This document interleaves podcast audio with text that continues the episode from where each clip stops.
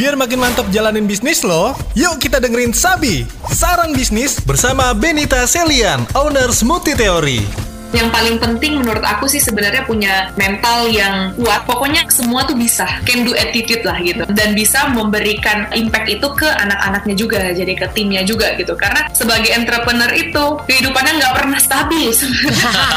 bener bener banget tuh. Gak boleh gampang kayak aduh menyerah deh ini. Jadi kita harus cepat bisa menyesuaikan dengan apa pun yang terjadi gitu. Dan kita ngelihat apa kita harus cepat lihat peluangnya. Jadi apa-apa tuh bisa. Aku di sini nggak nerima soalnya kata nggak bisa dari tim aku juga.